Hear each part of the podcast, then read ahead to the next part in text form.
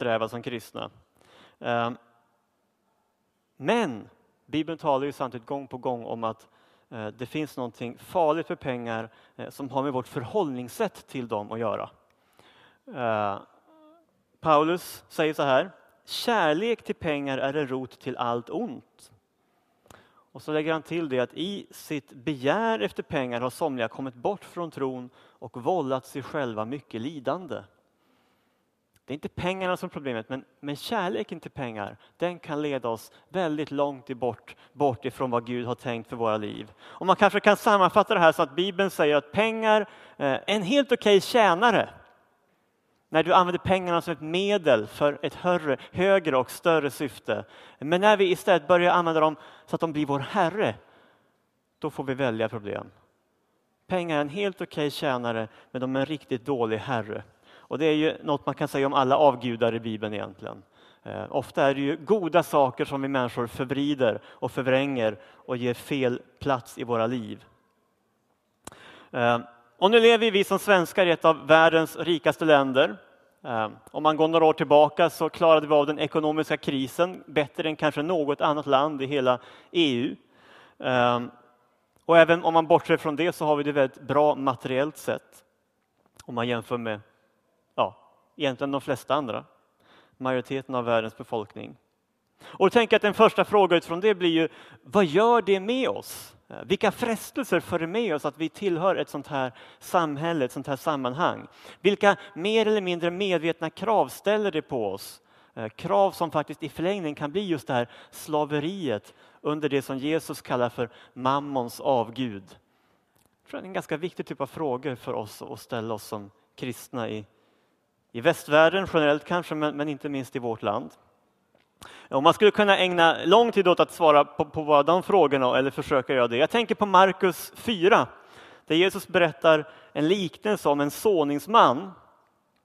Eh, där det, det, är ett utsäde som sås ut, eh, som egentligen ger en bild för, för hur Guds ord sås ut och tas emot i olika människors liv. Eh, och Jesus han pekar på några olika sätt, fyra olika sätt eh, som vi kan förhålla oss till det som Gud talar in i våra liv.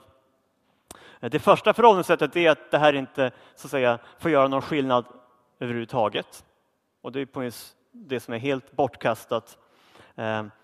Han säger också att vi kan ta emot Guds utsäde men, men svika vår övertygelse, kanske när vi möter motstånd eller förföljelse för, för ordets skull. Och så säger Jesus så här, Hos andra har sådden fallit bland tistlarna.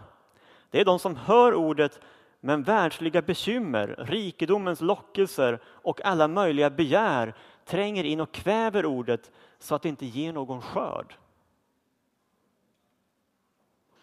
Här får vi alltså Jesu eget svar på vad som är eh, eller vad pengarna kan ställa till med i våra liv.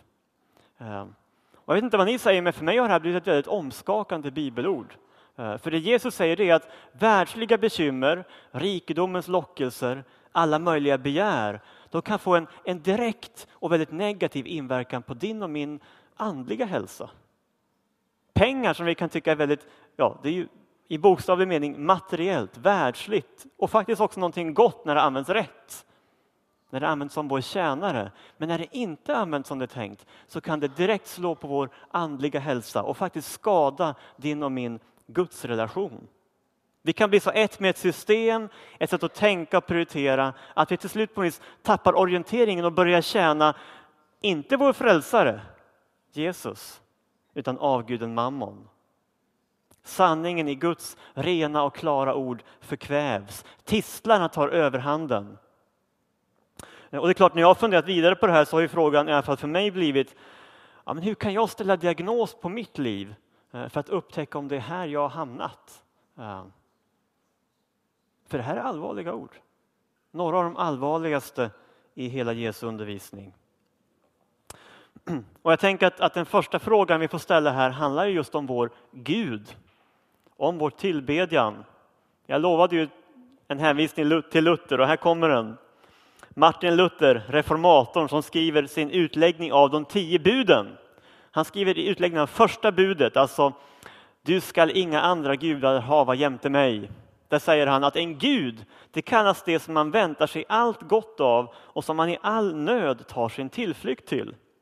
Eh, att ha en gud är alltså ingenting annat än att av hjärtat förtrösta och tro på honom.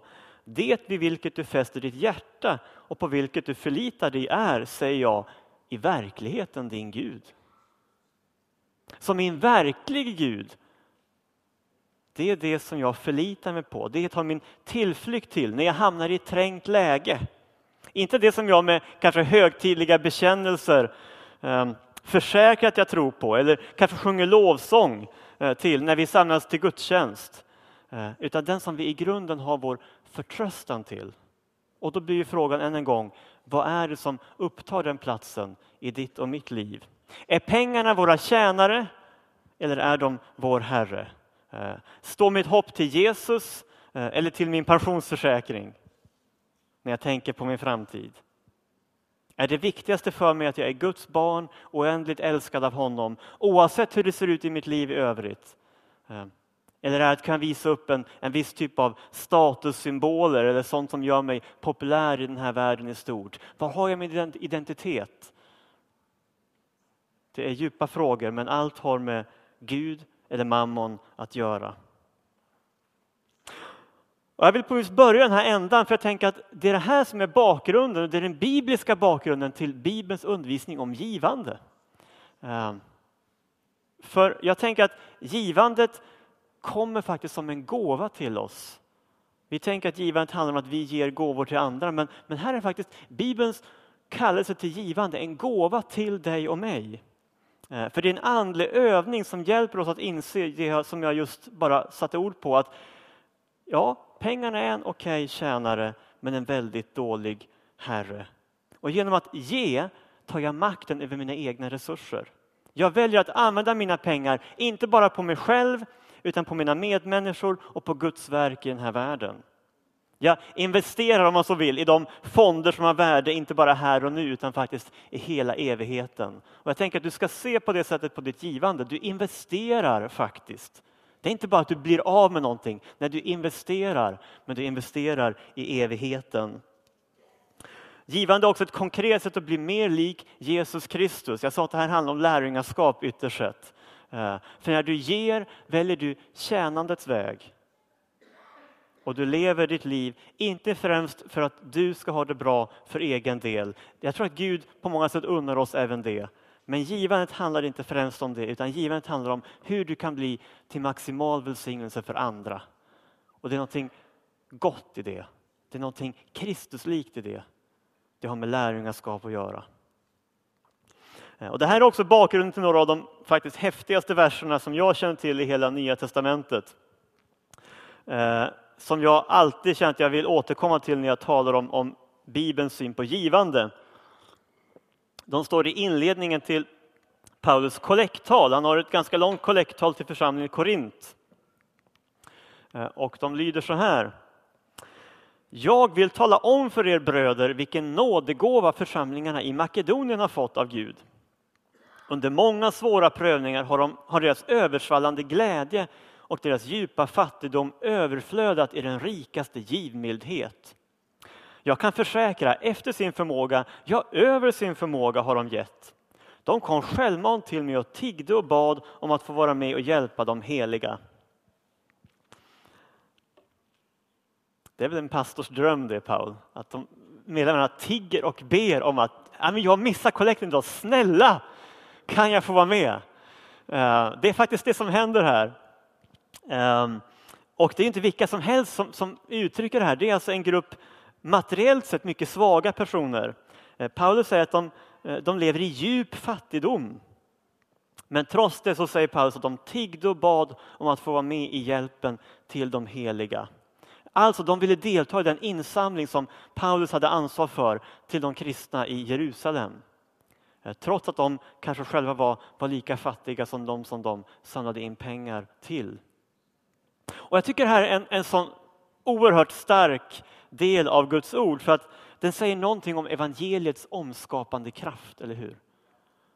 Det säger någonting om vad som kan hända när människor på djupet faktiskt blir berörda av Kristus. Eh, det väcker en längtan och faktiskt nästan en desperation. Jag kan inte tänka att mitt liv längre får sluta bara med mig själv. Jag måste få ha det här utflödet. Jag måste få ge, jag måste få välsigna andra. Jag vill vara med när vi som Kristi kropp kommer samman och i det här fallet välsignar syskon i Jerusalem. Och vi har många situationer där vi kan få välsigna både varandra och syskon från andra delar av världen. Ehm. Och vi ser kraften här i vår kallelse till givande. För givandet är inte bara viktigt för andras skull eller för att fylla andras behov, utan det är faktiskt också viktigt för din och min skull. Eh, för den som inte vill ge är verkligen en fattig människa. Det är faktiskt så. Den som inte vill ge är en verkligt fattig människa. Och även där kan vi ha ett Jesusord. Det är saligare att ge än att få. Det är Jesu egna ord. Det är saligare att ge än att få. Så Bibelns undervisning om givande kommer faktiskt till oss som en gåva. Den är en hjälp in i vår situation där vi så lätt snärjs in i mammons grepp, i, i våra egna begär, i vår jakt efter status, inflytande, njutning. Allt är inte fel, men som sagt, det är mycket som kan vara goda tjänare som blir väldigt dåliga herrar. Och tyvärr lever vi i en kultur som uppmuntrar oss i många fall att göra det här till våra herrar. Eh. Ja, men vi måste ändå bli lite mer konkreta. Hur ska vi ge egentligen? Hur mycket ska vi ge? Eh, jag tänkte få säga lite om det också, för Bibeln säger en del om det. Eh, och det första jag vill säga där är att egentligen så är inte det viktigaste utifrån Bibelns horisont storleken på våra gåvor. Det viktigaste är att vi faktiskt ger, att vi lever i det här utflödet. Finns den goda viljan så är den välkommen med vad den kan ha och bedöms efter, eh, inte efter vad den inte har, skriver Paulus. Och det är i samma kollekttal till korintierna. I nästa kapitel säger han var och en må ge vad han har beslutat sig för i sitt eget hjärta, inte med olust eller av tvång, ty Gud älskar en glad givare. Glädjen finns där hela tiden som du märker och det är en, tanke med det. Och vad innebär det här konkret? Ja, det innebär konkret till exempel att om du är en fattig student så är det självklart att du förväntas inte ge lika mycket som en sån som jag som är anställd och har lön. Självklart inte. Men å andra sidan, eh, även om du är en fattig student, tror jag att det är jätteviktigt att du ger. Eh, för om du inte har möjlighet att skiljas från dina pengar när du har lite, så är det stor risk att du kommer ha minst lika svårt att skilja dig ifrån dem när du har mycket. Faktiskt. Eh. Och jag tänker faktiskt att givande är en form av andlig krigföring. Det är ett sätt att göra klart, både inför mig själv och inför den andliga världen, vem det är som är herre i mitt liv. Om det är Gud eller om det är mammon. Det är en andlig krigföring i det. Och det är en övning i tro. För klart, det handlar grundläggande om Litar jag på att min Herre har koll också på min ekonomi? Eller tänker jag att ekonomin är ett nollsummespel, att om jag drar ifrån någonting så är det bara borta och det finns inget annat i ekvationen. Men Bibeln har en mycket mer dynamisk syn på det här. Gud välsignar och han förser också på det här området. Vågar jag lita på de löftena när jag ger, ja, men då ser ni att det här är också en övning i tro. Och det är klart, det kan missbrukas. Allt kan missbrukas. Men i grunden handlar det om en, en sann, äkta förtröstan på att jag tillhör Herren som förser. Om han har kallat mig att ge, om han har kallat mig att bli mer lik honom genom att ge, ja men skulle han då inte kunna välsigna mig i mitt givande, eller hur? Det har ju med honom att göra, med hans karaktär. Som Guds folk har vi också ett ansvar här att ge till det som man kan kalla för kärnverksamheten i den kristna kyrkan. Församlingsbyggandet, evangelisationen, missionen. Det finns ju lägen då vi faktiskt kanske, kanske kan få till och med ekonomiskt stöd från typ kommunen eller andra bidragsgivare. Ofta för vårt diakonala arbete eller kanske utbildningsinsatser. Jag jobbade tidigare som ledare för ett barn och ungdomsförbund och då fick vi pengar för vår demokratiska fostran och det är ju bra och det är fint att staten stöttar oss i det. Eh, men det är klart, staten ger inte pengar till våra alfakurser. Eh, eller till vårt missionsarbete. Och det kanske det inte ska heller. Jag bara konstaterar att det innebär ju rent konkret att om det ska kunna få de resurser som vi faktiskt tror att de både behöver och förtjänar, så måste vi ge. Det är genom vårt givande som vi bär de bitarna i kyrkans kärnverksamhet verkligen. Och det här är inget nytt. Paulus talar om det också. Han hinner säga mycket i sitt kollekttal. Eh, ni vet ju att de som arbetar i templet lever av templets intäkter och att de som gör tjänst vid altaret får del av offren. Så har också Herren bestämt att de som förkunnar evangeliet ska få sitt uppehälle av evangeliet. Det är en gudomlig ordning det här att, att det som är förkunnaruppdraget, tjänsten för mission och evangelisation, det är något som vi ska bära som Guds folk. Och det finns också löften kopplat till det naturligtvis. Eh, nu är det här bara en kort predikan så vi får gå vidare. Det finns mycket man kan fördjupa, men jag tänkte säga någonting om det här med hur mycket vi ska ge. Det är ändå lite grann av en kärnfråga för många av oss kanske. Eh, och vi har just läst en text som handlar om det gamla Israel där man gav tionde till templet. Eh, 10 procent av sin inkomst gav man till templet och de präster och leviter som arbetade där. Utöver det gav man faktiskt på två andra sätt. Man gav förstlingsgåvan eh, och det är det första man eh, skördade på sin åker eller liknande. Eh, och det var ju en väldigt konkret troshandling. Jag ger det första som Herren har välsignat mig med. För jag litar på att han ska kunna förse också framåt. Det finns en, en trosövning inbyggd i allt givande och vi ska inte glömma det. Det är ett steg i tro att ge, men det är också ett välsignat steg just därför. Utöver det kom sedan ett antal olika offer och när vi hör offer tänker vi ofta på typ djuroffer och liknande. Eh, och det är en viktig del av Bibelns offer. Men det fanns också offer som handlade mycket om, om den här tacksamheten, frivilliga givandet till Guds verk. Eh, och eh, det var som sagt någonting man gav frivilligt och utöver tiondet och förstlingen. Och då kommer 10 000 kronors frågan här. Hur ska vi som kristna förhålla oss till den här undervisningen? Ja, alltså, jag vet inte om ni vet det, men i den tidiga kyrkan var det här en ganska het debatt. Eh, alltså särskilt om man skulle förhålla sig till, till Gamla testamentets undervisning om, om tiondegivande.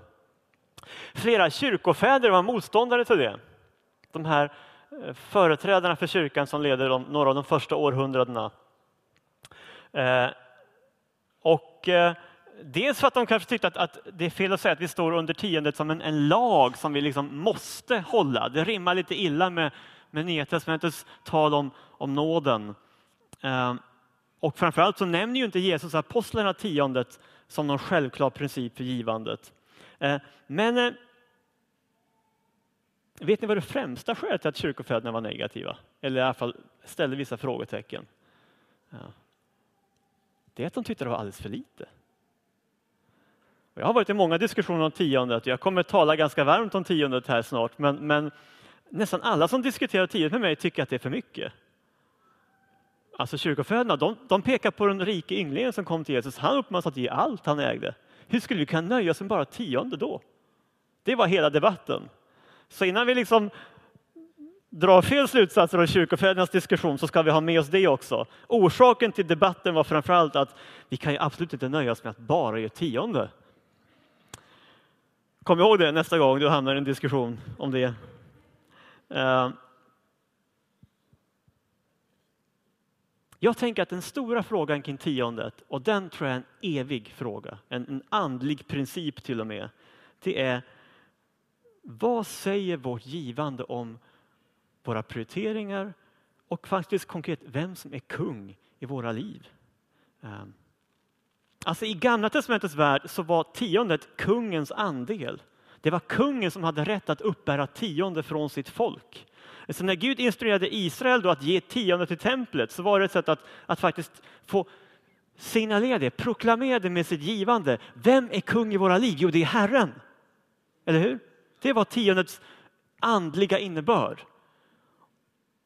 Och så sagt, än en gång, jag ser inte tiondet som en, en lag du jag måste liksom checka av för att ha det väl ställt med Gud. Jag tror inte det funkar så. Men nog finns det skäl för oss att proklamera med våra liv vem som är kung.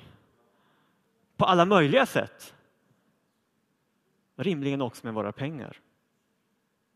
Visa ditt givande, oavsett nu om du ger 1 procent eller 80 procent, det är faktiskt inte frågan nu, men visa ditt givande utifrån dina förutsättningar att det är Jesus som är kung i ditt liv. Den frågan tror jag vi alla behöver ställa oss. Eller har Nya testamentets frihet i den här frågan i praktiken gjort oss mindre generösa än gamla förbundets folk? Det vore ju en tragedi. Om du som har blivit fylld med den helige Ande, som lärt känna Jesus Kristus, som är kallad till ett livslångt lärjungaskap i hans efterföljd, blir snålare. För mig går inte den ekvationen ihop. Det går faktiskt inte ihop. Um, och jag tänker faktiskt så här, och jag, ursäkta om jag gör någon upprörd nu, men jag ser tiondet inte som en lag, för det gör jag inte. Så ingen fördömelse över dig som över någon period faktiskt inte känner att du kan ge det. Be då att Gud ska ge dig den frimodigheten. Men min grundhållning i den här frågan är att tiondet är en alldeles utmärkt startpunkt för ditt givande. Så får vi se hur mycket du sen kan, kan utöka det under ditt liv. Så tänker jag. Eh, och det är inte bara jag som filosoferar här, jag tror att det finns goda skäl också utifrån bibelordet. När Paulus undervisar om de här sakerna, så som jag sa, han nämner faktiskt inte tionde. Han har ju smashläge, han ska ha ett långt kollekttal till korintierna. Och liksom, smash vore, ni vet ju att man gav tionde. Och självklart ska inte vi vara sämre än dem. Nej, men det säger han ju faktiskt, men han säger på ett lite annat sätt. Han säger så här. Just nu kommer ert överflöd att avhjälpa deras brist för att en annan gång deras överflöd ska avhjälpa er brist. Så blir det lika för alla, som det står skrivet. Den som samlade mycket fick ingenting över och den som samlade lite led ingen brist. Hoppsan! Inte tionde just här, alltså, utan utjämning. Lika för alla. Och det är med skräckblandad förtjusning man kan börja räkna på vad det här skulle innebära om vi på riktigt började tillämpa utjämningsprincipen för vårt givande. Um, oj, oj. Det finns ju en församling i Bibeln som körde på den modellen. Uh, och det var församlingen i Jerusalem, de första kristna. De sålde sina egendomar och allt vad de ägde och delade ut till alla efter vad var och en behövde. Det är utjämningsprincipen in action. Sen är det faktiskt så här att, att eh, jag har ju talat om, om tiondet och, om man ska se det som en lag och så. Eh, det är ju faktiskt inte hela sanningen än som man ser till Gamla Testamentet. För tiondet är faktiskt inte något som dyker upp först i och med lagen. Lagen gavs ju på Sinai. Men långt innan dess så kan vi läsa om Abraham, han som kallas för trons fader att han faktiskt gav tionde av sitt krigsbyte till Melkisedek som var kung i Salem. Och Melkisedek, för den som kan Hebreerbrevet, är ju det en, en viktig förebild för Jesus själv. Han bara dyker upp där som en, en kungapräst, precis som Jesus är kung och präst. Eh, och i Salem, det knyter han till Jerusalem, fridens plats. Så trons fader Abraham gav tionde långt innan lagen gavs. Och han gav det till en personlighet som profetiskt förebådar Kristus själv. Kan man inte tänka så också om oss? Att vi faktiskt frivilligt får ge vårt tionde till honom som är kung och präst i våra liv. Vår Melkisedek, nämligen Jesus Kristus. Där tror jag vi har en sann profetisk förebild och du behöver inte krångla till det med, med hur vi ska hålla oss till lagen och inte. Det här är innan lagen ens blev given. Det var i nådesförbundet med Abraham som han gav frivilligt och med glädje sitt tionde till Melkisedek. Det är en akt av tillbedjan och jag har sagt det flera gånger. Vårt givande säger någonting om vem som är vår kung. Sen kan det visa sig i mötet med Kristus att våra prioriteringar förvandlas ännu mer. Att vi kanske med glädje och helt utan yttre press börjar dela med oss även av våra övriga tillgångar. Att vi får uppleva kraften i Jesu ord att det är saligare att ge än att få. Här finns ett helt liv att utforska de här löftena. Ett äventyr med Kristus. Och det är ju oändligt många kristna som kan vittna om att Gud faktiskt har mirakulöst verkat också på det här området och försett och förmerat på sätt som är långt utanför mänsklig kontroll. Mitt är silvret och guldet, säger Herren. Han har förmåga att välsigna på alla möjliga sätt. Eh, och vi ska snart landa här, men när jag bad inför den här predikan så var det en till text som bara dök upp i mitt huvud. Jag vill läsa den för er. Eh, profeten Haggais ord eh, till Israels folk, där han säger så här. Detta folk säger, tiden har inte kommit än, tiden att bygga upp Herrens hus. Och Herrens ord kom genom profeten Haggai. Han sa, är det då tid för er att själva bo i panelklädda hus medan detta hus ligger i ruiner? Resten får ni inte se tydligen. Eller jo då, där kom det. Så säger nu Herren Sebaot. Lägg märke till hur det går för er. Ni sår mycket men skördar lite. Ni äter men blir inte mätta. Ni dricker men blir inte glada. Ni klär er men blir inte varma. Den som får lön har hål i börsen. Så säger Herren Sebaot, lägg märke till hur det går för er. Gå upp till bergen, hämta virke och bygg upp mitt hus. Så ska jag glädja mig över det och visa min härlighet, säger Herren. Kanske är det så att det här kan vara någon form av hälsning även till oss som sitter här idag. Guds hus i Nya Testamentet är ju detsamma som kyrkan, den kristna församlingen. Herrens hus. Hur ser det ut med våra prioriteringar? Är det så att Herrens hus förfaller medan vi bor i panelade hus? Det får var och en pröva sitt hjärta. Jag fick också bara ett ord till jag vill dela med er när jag bad och det var när jag frågar Herren vad, vad är det vi sår in i när vi ger till just den här församlingen, till Citykyrkan. Och jag fick bara de här orden i huvudet, ett bönens hus för alla folk. Ett bönens hus för alla folk. Eh, det är självklart något ni också får pröva. Eh, men kanske är det så att, att det är någonting av det som gör den här församlingen speciell i Guds ögon. Att det är en del av er unika kallelse. Jag är övertygad om att ni har många viktiga kallelser. Men en tror jag är att vara ett bönens hus för alla folk. Ehm, så vi har det bara med oss. Nu tänkte jag att vi ska stå upp tillsammans och så ska vi be för det vi har talat om. Och de här bitarna kan få vara en, en del i det.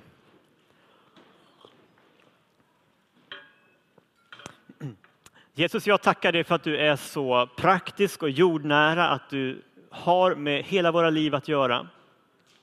Eh, och du vet sant att det här med pengar, det kan vara lite extra påträngande. Och jag vill bara börja med att be att du hjälper oss att se hur det här faktiskt är ett befriande budskap. Tack att vi är inte dömda till att tjäna mammons avgud. Vi är frigjorda, vi är befriade till att ha en annan kung en annan högsta lojalitet. Tack för att du inte bara förtjänar vår tillbedjan Herre, du, du är också sådan att du välsignar. Eh, och du säger gång på gång i ditt ord att du kan beröra oss också på det här området. Jag ber att vi ska få se det Herre, men framförallt vill jag idag be att du berör våra hjärtan. Du ser var kampen står i dem just nu. Vad vi kanske har en för liten vision av vem du vill vara för oss på just det här området. Herre, förlös trons ande i våra liv. Att vi vågar se dig och dina möjligheter också när det gäller pengar och givande.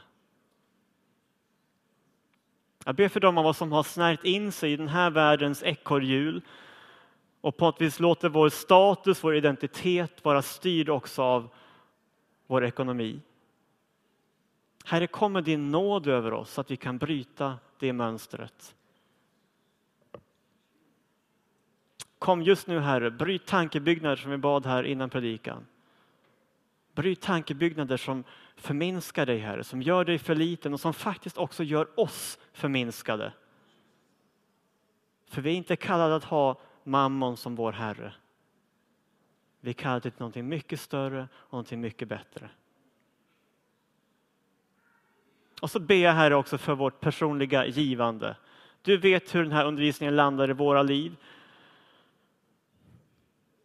Med tionde, med utjämningsprincipen som, som du så frimodigt ger oss också i Nya Testamentet. Herre, tanken bara svindlar om vi, om vi följer den vägen fullt ut. Men Herre, jag ber att du hjälper oss att ta just vårt första steg Oberoende av vad, vad som är, är, andras läge, Herre. Vi har vår utgångspunkt. Hjälp oss att ta vårt första steg på vägen mot sann ekonomisk frihet. Ett givande som faktiskt blir överflödande och som återspeglar din överflödande natur. Rör vid våra hjärtan den här förmiddagen, Herre. Och led oss konkret när vi gör upp våra planer för hur vi ska förvalta det som du har anförtrott åt oss. Och vi ber om det här i ditt underbara namn Jesus. Amen.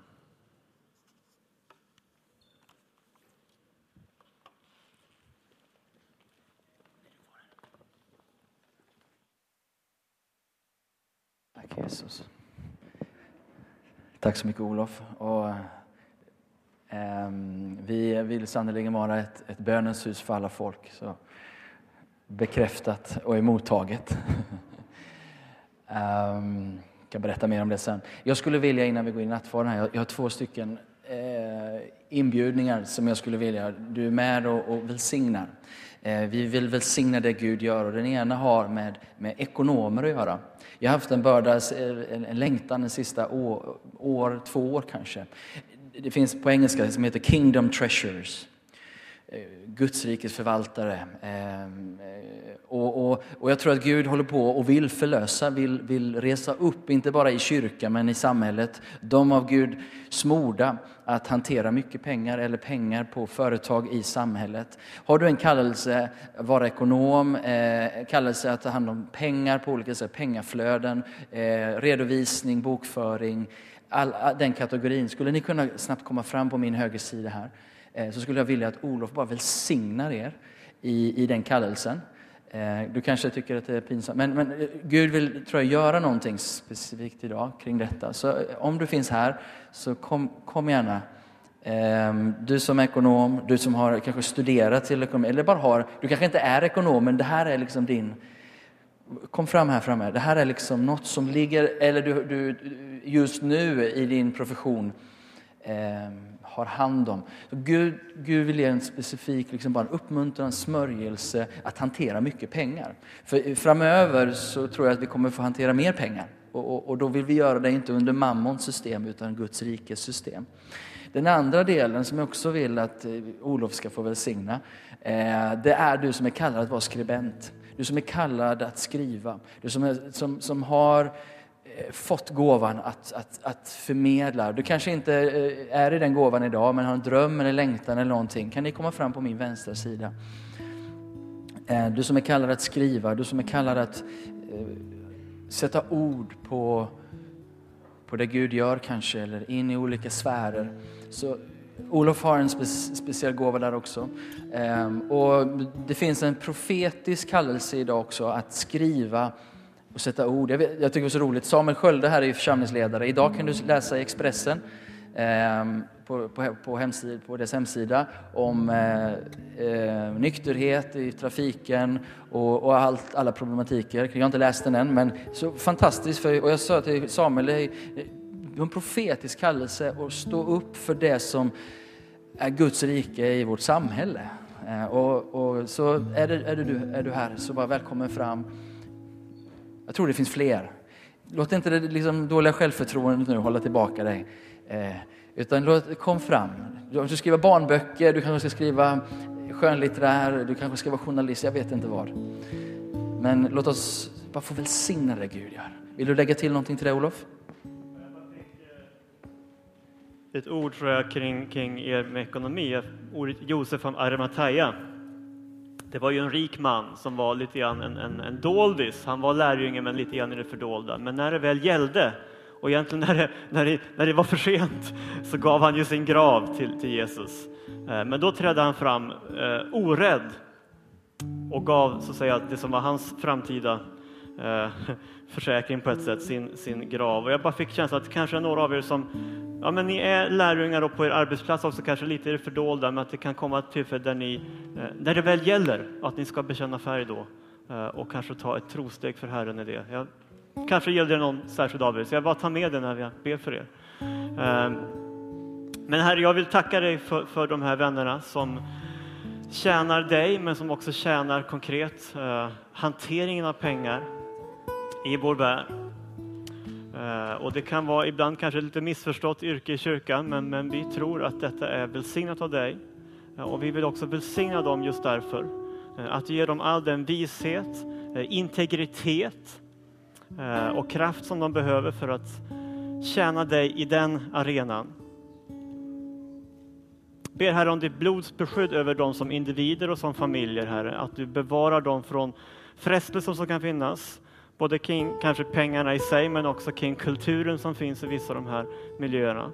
Eh, tack för att du förmår bevara dem med integritet och faktiskt med, med Jesus kärlek fullt ut också där. Låt dem få känna det. Jag ber att du just nu bara uppmuntrar dem där. Eh, lägger dina händer på dem i Jesu namn. Och så ber vi också Herre för, för dem eller, eller så som kanske har den här Josef av Arimathea kallelsen att, att vid något tillfälle träda fram, om det är när något orättfärdigt är på gång att ske, någonting som handlar om kompromiss eller bara på ett annat sätt få, få bekänna färg för en annan väg, en Kristusväg på deras arbetsplats. Eh, jag ber här att de ska få känna av när det tillfället kommer och att du ger dem kraft att inte backa i den stunden utan att faktiskt våga vara det vittnet för dig, även om det kanske är att vara en lite besvärlig människa enligt vissa andra. Fortsätt här att leda dem och, och verka i deras liv eh, och visa dem här hur de faktiskt får tjäna dig själv genom sitt arbete. Via Jesu namn. Amen. Amen. Och så tackar jag dig här för att du är skapandets och kreativitetens Gud. Du är också det profetiska ordet här i egen hög person. Herre, jag ber för våra vänner här som, som har en, en kallelse och en längtan efter att få skriva och sätta ord på, på vad som är, är gott och sant och rätt på olika sätt.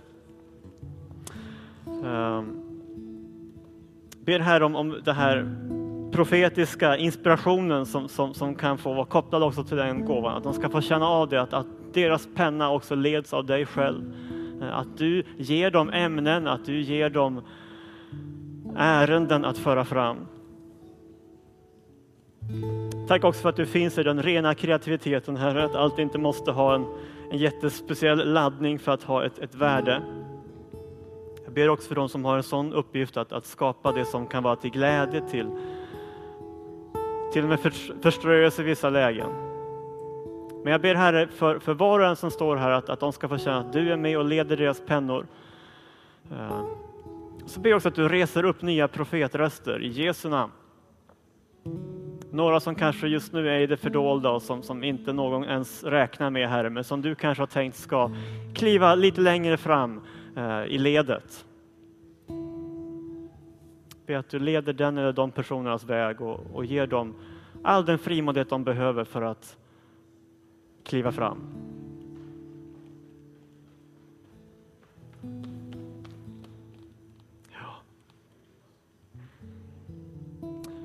Vi ber om allt det här i dina, ditt namn, Herre. Och vi ber för var och en i den här lokalen, Herre. Låt oss få gå från den här gudstjänsten med en eh, förnyad känsla av mening, där du se, visar oss konkret hur vi faktiskt i vår vardag och med våra också materiella tillgångar, våra gåvor och förmågor, Herre, att vi får proklamera dig som kung. Amen. Underbart. Tack, tack Olof och eh, låt oss tillbe